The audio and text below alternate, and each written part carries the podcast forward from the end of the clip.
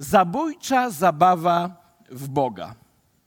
Tak zatytułowałem dzisiejsze kazanie z cyklu Jak żyć wiarą, a nie religią, opartą o list Jakuba. I zacznę od fragmentu tego listu. Posłuchajcie uważnie, bo jest to przykazanie skierowane do ludzi wierzących.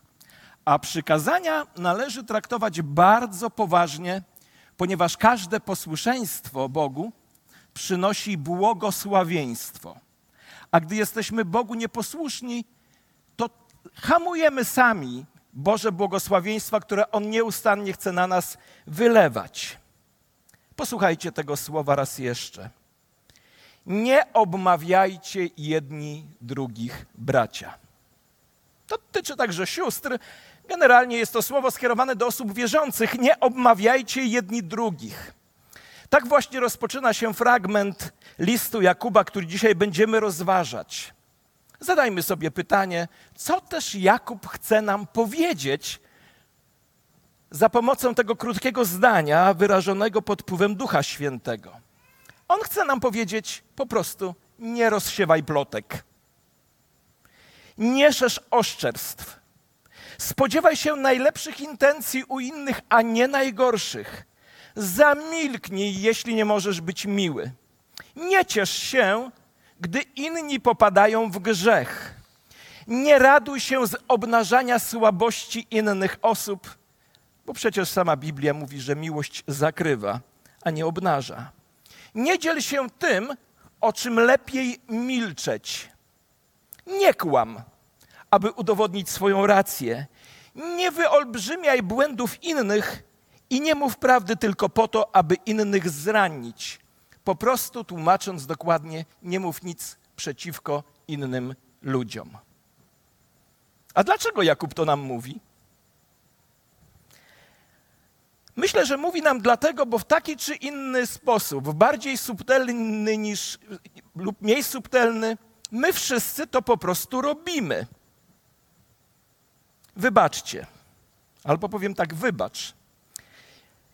Jeśli mówisz, że nigdy tego nie robisz, czy nie robiłeś, czy nie robiłaś, okłamujesz samą czy samego siebie. Prawda o nas jest taka, że lubimy rozmawiać o innych, oceniać innych, podawać, poddawać analizie życie innych i motywacje innych. Ja kiedyś po takiej wypowiedzi dostałem mocną lekcję. Ktoś mi powiedział tak, wiesz, a ja mam taki zwyczaj, że z ludźmi rozmawiam o Bogu, a o ludziach rozmawiam z Bogiem. Prawda o nas jest taka, że lubimy rozmawiać o innych, obnażać ich błędy, grzechy, poddawać analizie ich motywacje życiowe. Tak to właśnie wygląda. Bądźmy ze sobą szczerzy. Ile razy rozpoczynaliśmy obgadywanie innych taką rozbiegówką? Wiem, że nie powinienem o tym mówić, ale. I tutaj 1500 powodów, by usprawiedliwić to, co za chwilę powiemy. A w kościołach? A w kościołach w tej dziedzinie to mam wrażenie, że mamy mistrzostwo świata, a to dlatego, że Kościół to zgromadzenie usprawiedliwionych z łaski grzeszników, którzy ciągle są omylni, ciągle upadają i niestety o byciu łaskawymi względem innych nazbyt często zapominają. Prawda też jest taka, że nie będziemy musieli w kościele dużo szukać, aby znaleźć kogoś, kto robi coś, co nas irytuje.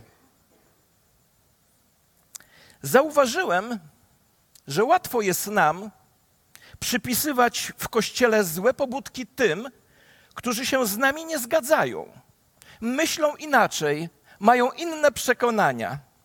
W końcu przecież to my służymy Bogu we właściwy sposób, My mamy lepsze poznanie, głębszą duchowość, bliższą relację z Duchem Świętym. Pan do nas bardziej przemawia, a przynajmniej tak nam się wydaje. A w praktyce wygląda to tak. Ktoś podbiega do ciebie i szepce ci do ucha o sprawach, które nie dotyczą jego ani ciebie, dodając: Tak mi jest źle z tym, że to muszę tobie powiedzieć, ale sam wiesz, muszę. A końcówką ten, tej wypowiedzi jest pobożna prośba nie do spełnienia. Zachowaj to dla siebie w tajemnicy. No i módl się o to, bo właśnie o to mi chodziło, żebyś się o to modlił. No nie chcę wzbudzać sensacji. I po czym widzimy tę osobę, jak podbiega do innej osoby z tą tajemnicą, by się nią podzielić. Bliski obraz? Ja widzę w tym siebie. A popatrzcie na media społecznościowe. Tam to dopiero widać. Krytykę, obgadywanie. Wiecie, co odkryłem? Że obmowa przyciąga całkiem sporą publiczność. Złe wieści lepiej się rozchodzą niż dobre. Ostre słowa trafiają na przykład na pierwsze strony gazet, portale internetowe, a nasi politycy i nie tylko wykorzystują to na swoją korzyść. Zacznij zabijać słowami, a Twoje akcje pójdą w górę. Odkryłem, że chcąc być najbardziej znanym pastorem, wystarczy, że zacznę mówić źle o innych. Można powiedzieć, że tak nie powinno być, zwłaszcza wśród chrześcijan, i to jest prawda. Ale nie jesteśmy wolni od pokusy bycia nieuprzejmym,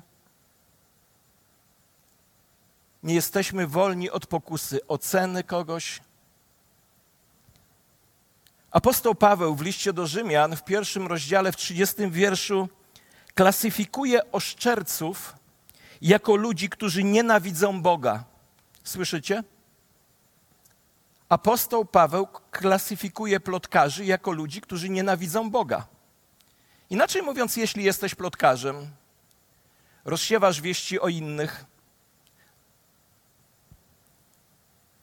to jesteś osobą, która nienawidzi Boga.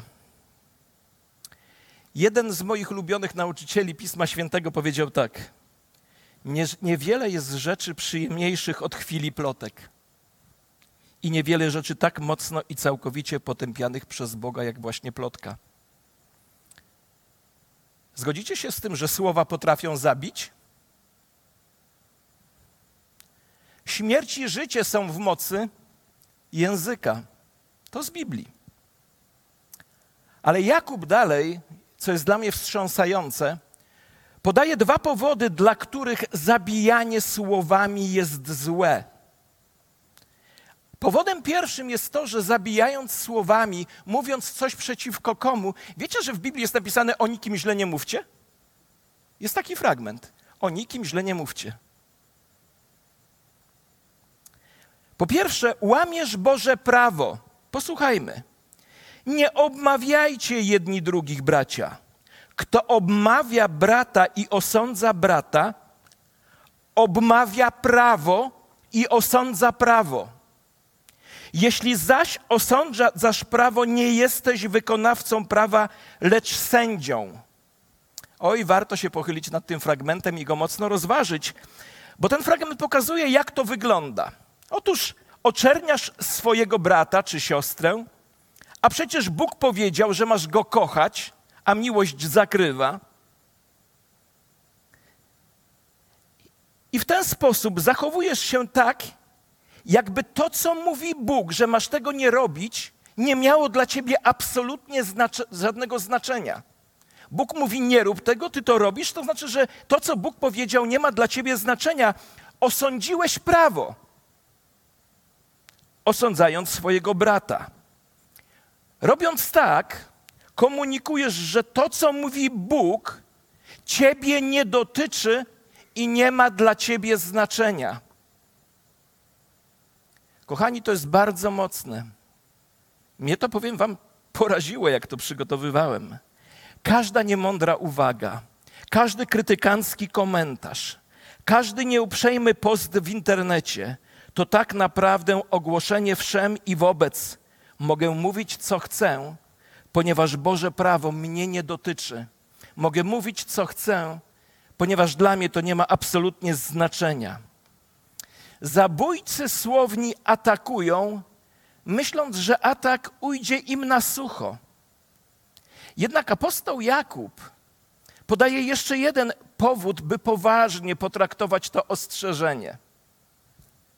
Powód drugi, obmawiając kogoś, plotkując na czyjś temat, mówiąc coś przeciwko komuś, uzurpujesz sobie Boży autorytet.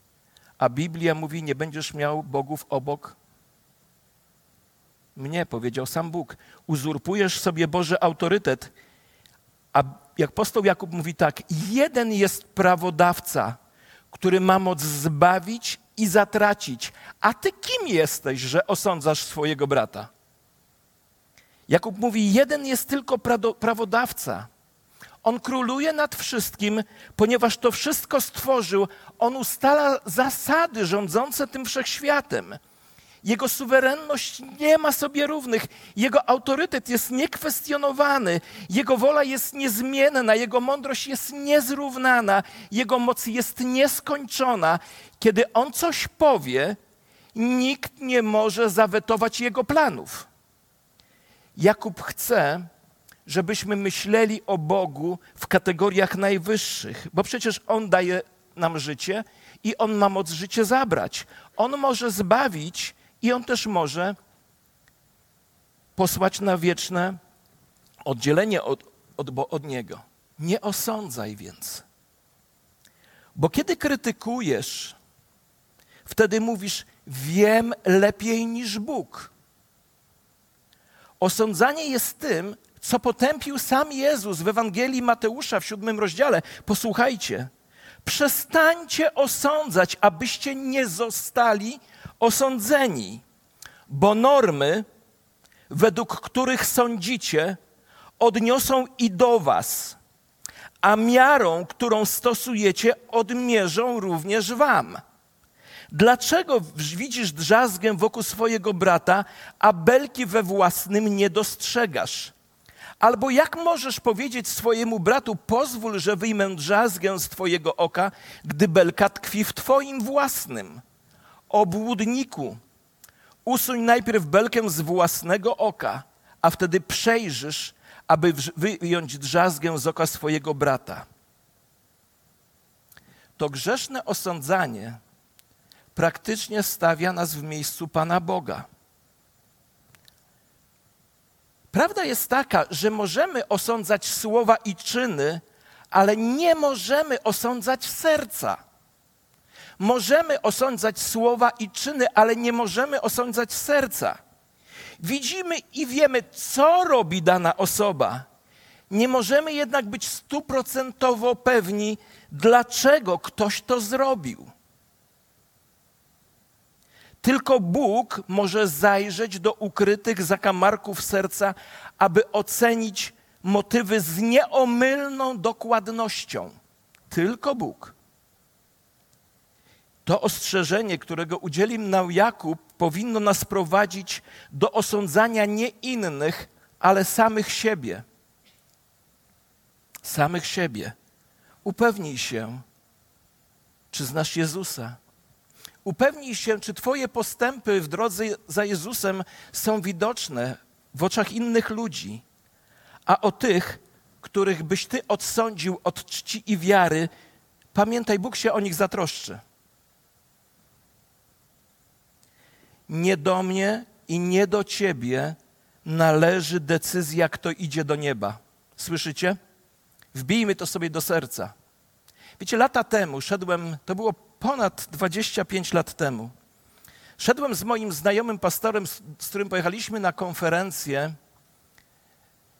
Szedłem przez, szliśmy przez ośrodek, w którym ta konferencja się odbywała i mijaliśmy wielu uczestników tej konferencji. Ten mój kolega mówi do mnie, wiesz, ten nie zna Boga, ten idzie do piekła, tamten nie zna Jezusa, ten w ogóle nie rozumie. Idę i mówię sobie, chyba idę z Panem Bogiem. Po latach ten mój kolega obdzwonił wszystkich i przeprosił za to. Dla mnie jest on autorytetem do dnia dzisiejszego, ale przeszedł taką drogę od postawienia siebie w miejscu Pana Boga i oceniania, kto jest zbawiony, a kto potępiony, kto zna Boga, a kto nie zna. Pamiętaj, o tych, których ty byś odsądził od czci i wiary, Bóg się zatroszczy. Może nie tak jak ty, ale Bóg na pewno chce, żeby wszyscy byli zbawieni. A ty dołącz do tego jego pragnienia. Nie do mnie i nie do ciebie należy decyzja, kto idzie do nieba, a kto do nieba nie idzie. To jest zadanie Boga, który chce, żeby wszyscy byli zbawieni. Posłuchajcie tego uważnie. Na, tę, na to, co teraz powiem, otworzył mi człowiek oczy, który jest dla mnie inspiracją podczas przygotowywania tego nauczania. Osądzanie i obmawianie innych jest problemem natury teologicznej. Osądzamy siebie nawzajem, przechwalamy się, grozimy sobie nawzajem, doprowadzamy do rozpadu rodzin, kościołów i nawet napięć między narodami, ponieważ nie traktujemy poważnie tego, co mówi Bóg. No, wolałbym to w niedzielny poranek nie mówić. Ale co ja zrobię, że Jakub to umieścił w swoim liście? Wiecie, że na niedzielny poranek najlepsze kazanie Bóg cię kocha takim, jakim jesteś, żyj jak chcesz. Ale to nie jest z Biblii. Bóg kocha nas pomimo tego, jacy jesteśmy i chce, żebyśmy byli inni, bardziej podobni do Jezusa. Do Boga przychodzimy, niektórzy myślą, trzeba przyjść do Boga już idealnym. Tak nie jest. Bóg zaprasza nas takimi, jakimi jesteśmy. Zaprasza nas pomimo tego, jakimi jesteśmy, mówiąc: przyjdź do mnie, a ja będę z Tobą współpracował w procesie przemiany. A inni muszą uhonorować tę Bożą przemianę, jej długość, to w jaki sposób Bóg to robi, a nie osądzać. A co powoduje na przykład nienawiść między narodami? Dlaczego dumnie się przechwalamy i grozimy sobie nawzajem totalnym zniszczeniem? Dlaczego narody szaleją? Dlaczego rozpadają się małżeństwa? Dlaczego rozpadają się rodziny? Dlaczego dzielą się kościoły? Dlaczego nie możemy się dogadać? I chcę Wam powiedzieć, to jest problem teologiczny. Zasadniczo to jest problem teologiczny. I właśnie o to chodzi Jakubowi. Nienawidzimy się, ponieważ nie traktujemy poważnie Bożych przykazań. A jeszcze ktoś powie, mnie przykazania nie obowiązują, bo ja jestem pod łaską. To tak jak inni też są pod łaską, więc ich pod łaską traktuj. Myślimy źle o sobie i myśl, mówimy źle przeciwko sobie, ponieważ myślimy, że wiemy lepiej niż Bóg. Ja się na tym łapię nieustannie. I to jest właśnie, słuchajcie, to myślenie, że wiemy lepiej niż Bóg, to jest nasza pierwsza pokusa. A naszą pierwszą pokusą jest postawić siebie w miejscu Boga. Być takimi jak Bóg. To jest nasza pierwsza pokusa. Bo kiedy decydujemy się bawić w Boga, to możemy mówić to, co chcemy, możemy traktować ludzi jak śmieci, możemy atakować ich motywy, możemy wysuwać absurdalne oskarżenia, możesz o nich napisać, co tylko chcesz. Możesz wzbudzić burzę na Facebooku czy Instagramie i możesz zrobić dzisiaj to całkowicie anonimowo. Bo przecież, kiedy jesteś Bogiem, nikt nie może ci powiedzieć, co masz robić. I właśnie o to chodzi w tym fragmencie. To zdumiewające, to zdumiewające, jak wszystkie drogi prowadzą z powrotem do tego samego pytania. Kto będzie dzisiaj Bogiem? Jeśli chcesz być Bogiem, to lepiej, żeby reszta się ukryła, ponieważ możesz wybuchać i usprawiedliwiać wszystko, co możesz. Wiecie, zrobiono kiedyś badania, jak to jest możliwe, że w czasie II wojny światowej wyniszczono Żydów, Polaków, Cyganów i wiele innych nacji czy ludzi o różnego rodzaju skłonnościach, tożsamościach. Wiecie dlaczego?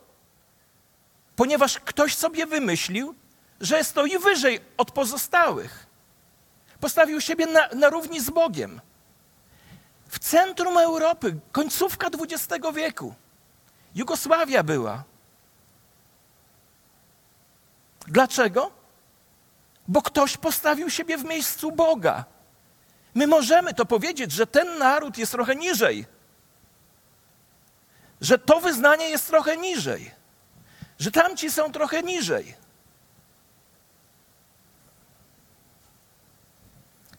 To wszystko się sprowadza do pytania, kto będzie dzisiaj Bogiem. Jeśli chcesz być Bogiem, to jeszcze raz to powiem, lepiej, żeby się reszta ukryła, ponieważ możesz wybuchać i wszystko usprawiedliwić. Możesz usprawiedliwić wszystko, co mówisz, co robisz, możesz pluć jadem, niszczyć swoich przyjaciół, ściągać w dół liderów, pastorów, zniszczyć nawet swoją ulubioną służbę. Ale to nie wszystko. Jeśli masz być Bogiem, możesz robić co chcesz, co chcesz i odejść z uśmiechem na twarzy, ponieważ usprawiedliwiłeś się w swoim własnym umyśle. I nie masz nad sobą autorytetu. I o to właśnie chodzi w tym mocnym fragmencie. Przepraszam za niedzielny poranek, ale ja tego potrzebuję i wy może także. Więc pytanie brzmi: kim będzie dzisiaj Bóg? Jeśli to Bóg będzie Bogiem, to nie będzie miejsca na gorzkie słowa, ponieważ szanujesz Boga. Będziesz milczeć, ponieważ szanujesz Boga. Będziesz milczeć, ponieważ wiesz, że, zemsta do Niego należy. Ostatnio wyczytałem na Facebooku, jak pod pewnym postem jednego z pastorów kobieta napisała: Niech wreszcie przyjdzie Boża sprawiedliwość. Macie odwagę powiedzieć, że chcecie Bożej sprawiedliwości? Wiecie, kiedy mówimy, żeby przyszła Boża sprawiedliwość? Wiecie kiedy? Kiedy ona nie będzie dotyczyła kogo? Nas. Bo nie ma ani jednego sprawiedliwego. Jeśli, jeśli modlisz się o Bożą sprawiedliwość, to modlisz się, żeby Bóg ciebie potraktował sprawiedliwie. A ja chcę, żeby Bóg mnie potraktował łaskawie. Wybór należy do nas. Będziesz ostrożny w słowach, ponieważ wiesz, że Bóg słyszy wszystko, co mówisz. Powstrzymasz się przed opublikowaniem złośliwego komentarza, ponieważ nie chcesz nikogo niesprawiedliwie osądzać. Osądzamy słowa i czyny, ale motywów nie jesteśmy w stanie do końca zrozumieć. A czy wiecie, dlaczego nie walczymy z grzechem złego języka? Ponieważ nie wydaje nam się to wcale wielkim grzechem. Wielu z nas, i ja w tym góruję, znajdujemy wymówki, by usprawiedliwić nasze nieuprzejme słowa. Powiedzieć wam kilka moich? Byłem zmęczony. Powiedziałem to w zmęczeniu. Ale wszyscy jesteśmy zmęczeni, prawda? To jej wina, a jeśli jej wina, to niech się Pan Bóg ją zajmie. To, co powiedziałem, było prawdą. No i co z tego, jeśli powiedziałeś to w gniewie i nie tym, którym powinieneś powiedzieć? A jeszcze czasami słyszę, jak sam mówię, mają to na co zasłużyli. A kto mnie zrobił sędzią albo mścicielem Pana? To musiało zostać powiedziane głośno. Może i tak, ale dlaczego w złości? A, tej, a wymówka, której nienawidzę w sobie, ale w innych też. Ja tylko wykonuję dzieło Pana Boga. Czy jesteś tego pewien, pewna? Oczywiście trzeba mówić prawdę. Trzeba udzielić nagany. Zbrodnie muszą być ukarane. Trzeba uporać się z osobami sprawiającymi problemy. Jezus używał niezwykle mocnego języka, kiedy konfrontował się z faryzeuszami. Fragment, który czytałem, nie mówi nam, abyśmy milczeli w obliczu zła. Uczy nas jednak, byśmy nie odpłacali złem za zło przez sposób, w jaki się wypowiadamy o, o innych. Jeśli tak robimy, to zniżamy się do poziomu tych, których krytykujemy, albo jeszcze niżej. Prawda o nas jest taka, i w ogóle prawda jest taka, że trudno jest znaleźć taki balans, taką równowagę między łaską a prawdą. Wszyscy mamy tendencję do nieutrzymywania równowagi w tej kwestii. I właśnie dlatego potrzebujemy to, co czytałem z Ewangelii Mateusza, to, co Jezus powiedział w siódmym rozdziale Ewangelii Mateusza w, pierwszym, w piątym wierszu. Obłudniku, usuń najpierw belkę z własnego oka, a wtedy przejrzysz, aby wyjąć drzazgę z oka swego brata. Podziwiam Pana Jezusa za cięty humor. Wyjmij belkę.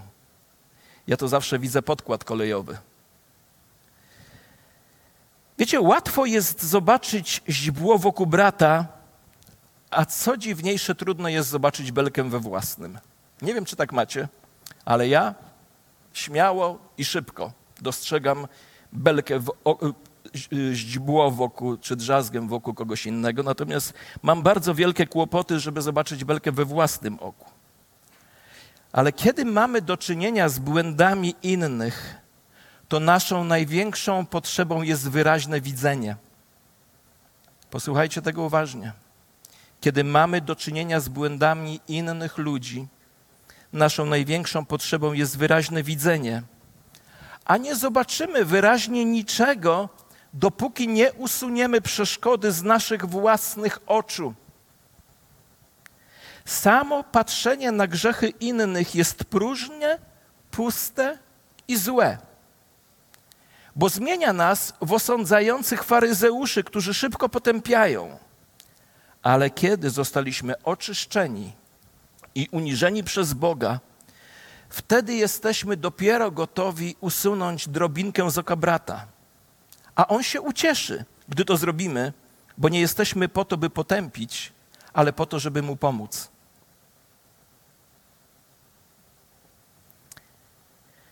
Jeśli pospiesznie wypowiadamy słowa, możemy wyrządzić więcej szkody niż pożytku. Jest różnica pomiędzy kimś, kto cię kocha i chce ci pomóc, a kimś, kto przygląda się ci z lupą, by znaleźć błędy we wszystkim, co robisz. Jeszcze raz to powtórzę. Jest ogromna różnica między kimś, kto cię kocha i chce ci, i chce ci pomóc, a kimś, kto przygląda ci się z lupą, by znaleźć błędy we wszystkim, co robisz. A prawda jest niestety taka, ja widzę to poprzez własne życie, że ci, którzy są najbardziej krytyczni wobec innych, mają zazwyczaj najwięcej problemów w swoim życiu i najwięcej za uszami, jak to mówimy. Natomiast ci, którzy są najbliżej Boga, wydają się być najbardziej miłosiernymi. Najszybciej przebaczają, najszybciej odnawiają relację, najszybciej pomagają komuś, kto się z grzechem zmaga. Jeśli cofniemy się i pomyślimy o tym fragmencie jak, z listu Jakuba, dojdziemy do bardzo prostego wniosku, który brzmi: Musimy być ostrożni, kiedy wypowiadamy słowa. Pomyśl zatem, zanim coś powiesz. Pomódl się, zanim zaczniesz mówić. Zatrzymaj się, zanim zaczniesz mówić. Nie bądź słownym zabójcą. Nie mów o innych nic, czego byś nie chciał usłyszeć o sobie. Nie mów o innych nic, czego nie powiedziałbyś w ich obecności. A przede wszystkim nie mów nic o innych, czego byś nie powiedział, gdyby Jezus stał u Twojego boku. Wiecie, łatwo jest pomyśleć, że to nas wszystko nie dotyczy. Albo myślimy, że to nas dotyczy tylko trochę, ale znamy kogoś, kogo bardziej to dotyczy. Pastorze, dobrze, że mówiłeś o tym, bo była moja żona dzisiaj. A może jednak po dzisiejszym kazaniu byłoby dobrze, żebyś zapytał kogoś, kto z ludzi zna Ciebie najbardziej i, i poprosił go takim pytaniem: Powiedz mi, jak bardzo mnie dotyczy to kazanie. To jest ryzykowne, ale to także droga, droga do duchowego wzrostu. Prawda jest taka, że sami nigdy nie zapanujemy nad naszym językiem. Potrzebujemy Jezusa, aby nam pomógł. Tylko On może ujarzmić język i zamienić, przepraszam za porównanie, i zamienić smród słownych wymiocin niebiańskim zapachem płynącym z jego serca. Więc ostatnie moje wezwanie brzmi: bądźmy względem siebie tacy, jak Chrystus Jezus. A wtedy Bóg będzie miał chwałę, my spełnione życie, a ludzie radość z tego, że jesteśmy obok ich życia. Pochylmy nasze głowy w modlitwie. Jeśli wiesz, że to słowo dzisiaj było do ciebie i masz w tej kwestii coś do zrobienia, daj znać przez podniesienie ręki. Chcę tylko powiedzieć, nie będę zapraszał tu do przodu dzisiaj. Także śmiało możecie podnieść ręce. Moja ręka też jest w górze. I Boże, chcę dzisiaj powiedzieć, Panie, że wielokrotnie zawodziłem w tej kwestii, o której dzisiaj mówiłem. I Panie, chcę, abyś pokazywał mi i sprawiał, żeby już tego nie było w moim życiu. I proszę Cię o każdego z nas, żebyśmy nie byli słownymi zabójcami, którzy stawiają się ponad Twoim prawem czy w Twoje miejsce, osądzając motywy, zamiast czyny i słowa. Panie, pozwól, byśmy potrafili z pokorą wyciągnąć belkę ze swoich oczu, zanim cokolwiek uczynimy względem drugiego człowieka. Panie, to słowo kierujesz do wierzących ludzi. To znaczy, że mamy w tej kwestii dużo do zrobienia. Niech Twój Duch Święty i Twoje słowo pracuje w nas.